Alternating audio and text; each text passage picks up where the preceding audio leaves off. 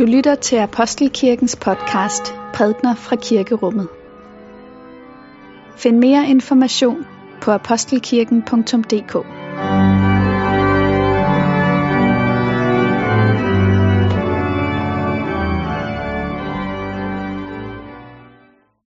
God formiddag og velkommen til gudstjeneste her i Apostelkirken. Eller rettere tak, at I byder os velkommen i øh, jeres hjem ved at åbne jeres computer. Det bliver endnu en gang en livestreamet øh, gudstjeneste her fra Apostelkirken i dag på denne første søndag i det nye år, Hellig Tre Kongers søndag. Dette hellige evangelium skriver evangelisten Matthæus. Lad os takke for Guds ord. For Guds ord i skriften, for Guds ord i blandt os, for Guds ord inden i os takker vi dig, Gud. Da Jesus var født i Bethlehem i Judæa i kong Herodes' dage, se, der kom der nogle vise mænd fra Østerland til Jerusalem og spurgte, hvor er jødernes nyfødte konge? For vi har set hans stjerne gå op og er kommet for at tilbede ham.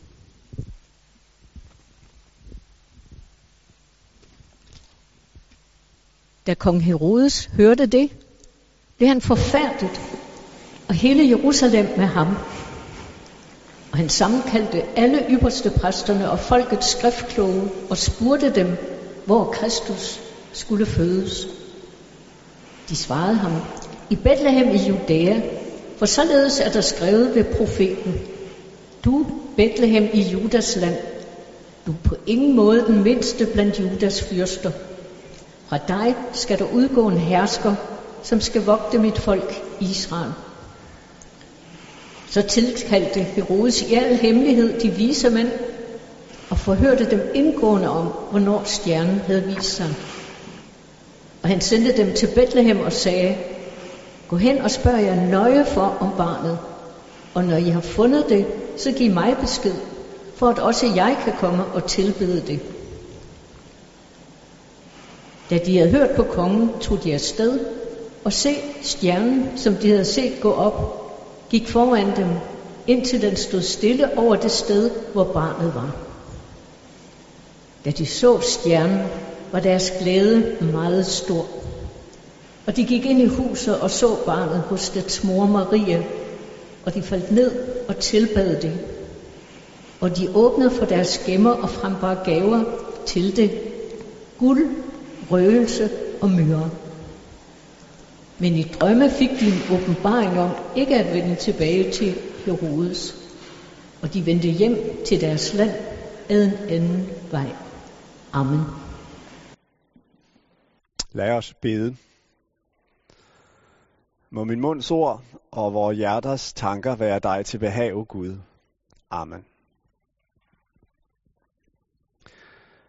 Vi skal i dag samle vores tanker om denne vidunderlige beretning om de vise mænd fra Østen, som drog den lange vej til Jerusalem og videre til Bethlehem for at tilbe jødernes nyfødte konge.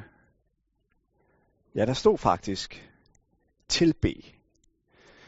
Det er et ord, jeg ikke tidligere i min læsning af teksten har lagt mærke til, men, men jeg har fået øje på det i år, og det er som om jeg ikke har kunnet få blikket fra det ord. Tænk, de tog hele den lange vej for at tilbe den nyfødte konge. Det er som om, at det ord, det gør noget ved deres rejse. Det gør noget ved vores forståelse af, hvad det egentlig er for nogle folk, vi har med at gøre her. De vise mænd fra Østen. Altså, de var altså helt åbenlyst ikke bare en form for videnskabsmand, der ligesom øh, udkastede en arbejdshypotese. De har set stjernen, der er en teori, der siger, at øh, jødernes konge, lad os, lad os lave noget feltarbejde og se, om vi kan få bekræftet den her arbejdstese. De var heller ikke bare videnskabsmænd, som lod sig lokke af eventyret, fjerne himmelstrøg, store bedrifter, og som så øh, drog afsted som fantaster. Nej, når de skal formulere det, som er formålet med deres rejse, så er det at tilbe. Men det er det, de siger til kong Herodes, da de dukker op i, øh, ved hans hof. Øh, vi har set stjernen hans stjerne på himlen, øh, den nyfødte konges stjerne på himlen, og vi er kommet for at tilbe ham. At tilbe, ja, det betyder helt bogstaveligt at falde på knæ. At bøje sig for. Ikke? Altså, det er så at sige det modsatte af at vinde ære. Altså, øh, hvis, hvis formålet havde været at, at udføre en bedrift, som ville blive besunget, så ville det være dem, der tog plads på højsædet, og andre, der sang sange og fortalte historier om deres stordrift, stor bedrift. Hvis det var ligesom at eftervise en eller anden hypotese, ja, så ville de have vundet akademisk ære, men, men det udbytte, som disse vise mænd forventer at få af deres rejse, det endepunkt, det som det hele handler om, det er altså, det formuleres jo altså ganske tydeligt her, at tilbe det lille barn. Og jo mere jeg har dvælet ved dette ord, tilbe, jo mere er det som om, at de her skikkelser, de vise mænd, har trådt frem for mit indre blik. Formodentlig stjernetydere. Man mener, mange mener særlige persere mener, at de kommer fra perseriet. Faktisk er der i Iran en by, Kashan, som jeg selv for en del år siden har besøgt, hvorfra man siger, at de vise mænd øh, kom, og hvorfra deres rejse begyndte. Øhm, det, som fik dem ud på deres rejse, det var altså, at en stjerne havde vist sig. Og der måtte jo i deres astrologiske traditioner have været knyttet en form for profeti til det her særlige øh, fænomen på himlen. En profeti om, at når det skete, ja, så vil der være født en konge i jødernes land. Men vel at mærke ikke en hvilken som helst konge, for det er jo ikke bare jødernes konge, det er deres konge. Ellers ville de jo ikke falde ned og tilbe barnet i ærefrygt, i, i, i underkastelse. Så der har altså været denne profeti, må man forestille sig, som da stjernen viste sig, fik øhm, øh, de vise mænd øh, ud på deres rejse. Hvor gik deres rejse hen? Ja, den var ikke bare ud i verden et sted. Den gik, den havde en retning. Det var en rejse mod det sted, hvor de kunne knæle ned og høre til. Altså, ligesom hvis man forestiller sig et barn, der fra øh, sin tidlige barndom er kommet gennem ulykkelige omstændigheder, er kommet væk fra sine forældre, er kommet bort hjemmefra, og, og, og nu har levet et langt liv, og som som er et for at vide, dine forældre findes, og de bor der og der. Ikke sandt? Det barn vil komme på en rejse for at finde sine forældre, for at finde sin oprindelse, for at finde sit hjem, for at finde det sted, hvorfra min verden går, som vi siger. Det vil være en rejse mod sit sted. Ikke bare et sted. Eller som jeg har hørt, at ålene har det. Alle ål, hvor er de end i verden, de befinder sig, vil på et tidspunkt i deres livscyklus blive draget mod Sargassohavet. Og så små de her fisk er foretage den lange, lange rejse til det sted, fordi det er der, de gyder. Det er der, de bliver frugtbare. Det er der, deres liv ligesom finder sin øh, bestemmelse, øh, og de bringer øh, slægten videre. Sådan drages disse vise mænd mod øh, Bethlehem. Og i den forstand, så står de vise mænd i dagens tekst som repræsentanter for det søgende menneske. Hvad vil det sige at være et søgende menneske? Man bliver ikke et søgende menneske af at gå rundt i et supermarked og lede efter en vare. Eller af at befinde sig i en storby og lede efter en eller anden øh, seværdighed. Man søger, men får i egentlig forstand at blive et søgende menneske, så er det, man søger, noget som vedkommer en på et dybere plan. Det man søger er ikke bare noget, der er uden for en, det er også noget, der er inde i en. Det var ikke bare stjernehimlen over dem, det var også moralloven i dem selv, der fik de vise mænd ud på denne lange rejse. Og det store ved deres søgen, det var i grunden ikke deres visdom. Den havde de til fælles med mange andre, men det var deres mod. Det var den omstændighed, at det de så, fik dem ud på en rejse. Hvis vi sammenligner vismændene med de skriftkloge og ypperste præsterne, som vi også hører om i teksten, kong Herodes, han retter henvendelse til dem, da de vise mænd har henvendt sig og spørger, hvor er det, at Kristus skal fødes? Ikke sandt? De er også vise. De har al kundskaben. De griber som øh, efter en nål i en høstak ind i det gamle testamente og finder lige præcis det ord fra Mikas bog kapitel 5, hvor der står, at det er Bethlehem.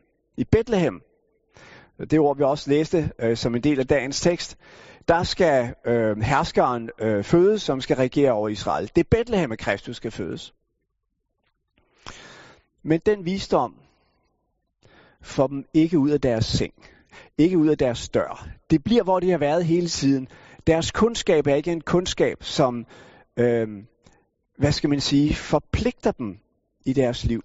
Jeg forestiller mig, at disse øh, vise mænd, de har måske følt sig lidt øh, glade og stolte ved, at kongen sendte bud efter ham. Denne magtsyge levemand.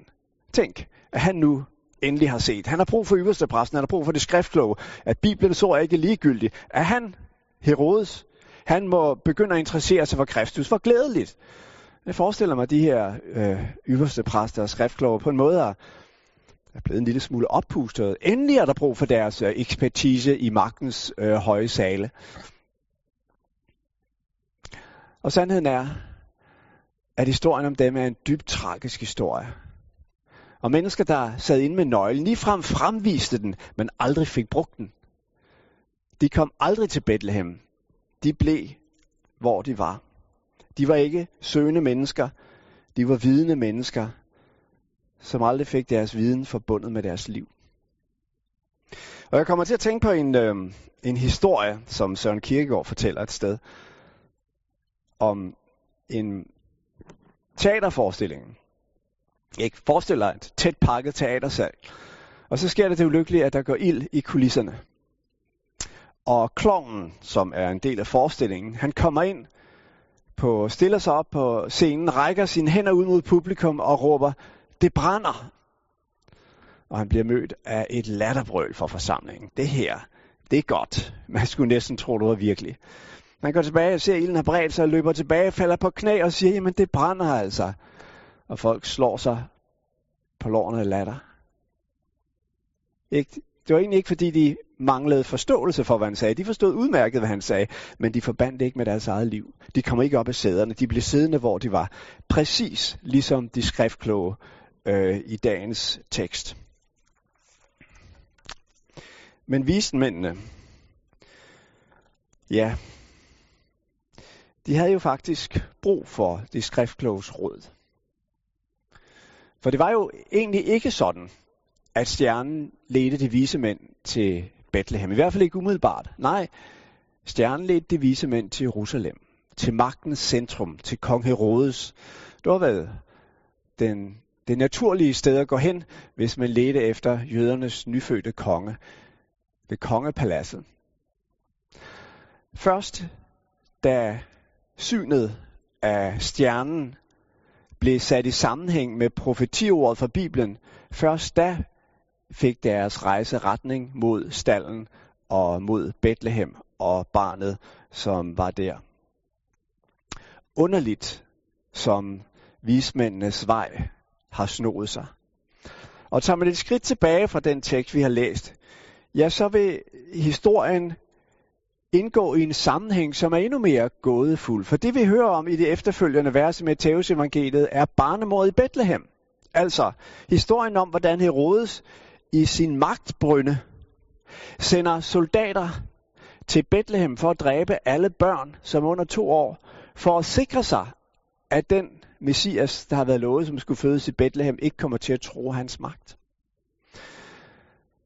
Altså, hvis de vise mænd ikke havde henvendt sig til rådet, så var det ikke sket, må vi formode. Så Her har vi en historie, der er kompleks og uigennemtrængelig og øh, på mange måder uskøn. Og netop derved så dybt realistisk. For det er jo sådan, vores menneskeliv er. Vi kan ikke øh, styre konsekvenserne af de valg, vi tager. Vi kan forsøge at være bevidste om intentionerne bag. Det var jo ikke de vise mænds skyld, at barnemordet skete, og ikke desto mindre var det en konsekvens af, hvad de gjorde. Så hvor efterlader disse vise mænd os i dag?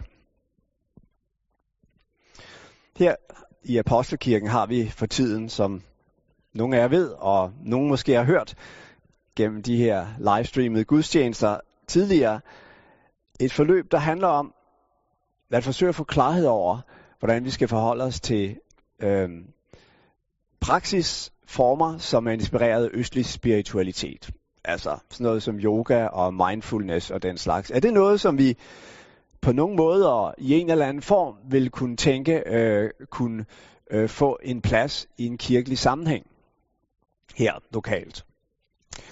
Og øh, vi har haft nogle samlinger, hvor vi har drøftet det her, og en af de ting, der har været meget inspirerende for mig, øh, det har været at tale med og lytte til nogle af de folk fra vores menighed, som så at sige er kommet til Bethlehem fra Østen. Altså, hvis vej til kristen tro ikke har været den slagende vej gennem øh, opdragelse i kristentroen osv., men, men som så at sige har været på en åndelig rejse i Østen og blevet inspireret af for eksempel ting fra øh, buddhisme eller øh, andre øh, former for, for øh, åndelige øh, traditioner i Østen, som har været med til at, at, at, at forme dem, deres selvforståelse, deres måde at se sig selv indgå i omverdenen på. Men som så på et tidspunkt, så at sige, ser stjernen og komme ud på en lang øh, vandring øh, mod Bethlehem. Og det at lytte til deres beretninger har været en, en stor inspiration for mig. Og efter vores sidste samling var der en, der sendte en e-mail til mig, som jeg har fået lov at citere her. Det var en e-mail, hvor I han overvejede den betydning, som de her to forskellige traditioner havde haft for hans liv. Den østlige og den kristne, buddhismen og kristendommen. Og han sagde, at han havde forsøgt at sammenfatte det i enkelte sætninger. Og så sagde han, øh, buddhismen siger, jeg er her. Kristendommen siger, jeg er elsket. Og det forekommer, da jeg læste denne sammenfatning, at den er, at den er ganske dybsindig. Jeg er her. Der i ligger den indsigt, at jeg ikke skal tillade mig selv at flygte ind i dagdrømme, ind i øh, ambitioner, heller ikke i skyld, i bekymringer, i alle de der former for øh, flugt, som vores sind næsten uundgåeligt føres ud i. Jeg skal være, hvor jeg er. Selvoverensstemmelse er målet. Der ligger en dyb indsigt og en hård kamp i, i, i det, som beskrives i denne ene sætning. Jeg er her. Den anden sætning, jeg er elsket, den fortæller noget yderligere, noget andet. Den gør livet til et kærlighedsdrama. En form for trekantsdrama, hvor vi som mennesker er genstand for en kærlighed, der søger os, men også for en forførelse, en, en verdensforførelse. Disse to magter kæmper om magten og herredømmet øh, i vores liv. Det er det, der er den kristne fortælling. Således elskede Gud verden, at han sendte sin enborgne søn, for at den hver, som tror på ham, ikke skal fortabes, men have evigt liv. Det er det, der er kærlighedsdramaet. Og det betyder, at vi mennesker ikke bare er kaldet til at stå stille og være i overensstemmelse med os selv, men vi er faktisk kaldet ud på en vandring. Ligesom de vise mænd. Det er en vandring, som skal lede os mod den forening med Kristus, med Gud, som han har øh, lovet os, og som han har givet udtryk til for gennem Jesu Kristi liv og ord til os. Og denne bevidsthed, jeg er elsket, den gør livet, også livets små og tilsyneladende ubetydelige prioriteringer og valg, til et betydningsfuldt drama, hvor de kosmiske kræfter, Kristus på den ene side og verden, forføreren, djævlen på den anden side, kæmper om herredømmet i vores liv. Og hvor målet med vores vandring, ja det er at tilbe. Det er ikke at sætte os på tronen og modtage andres beundring, men det er selv at falde på knæ og give ham æren, give os over til den kærlighed, som uden ophør søger os og kalder os fra verden til Gud. Lov og tak og evig ære være dig, vor Gud, Fader, Søn og Helligånd.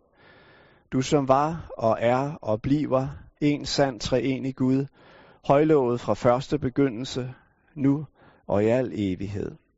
Amen.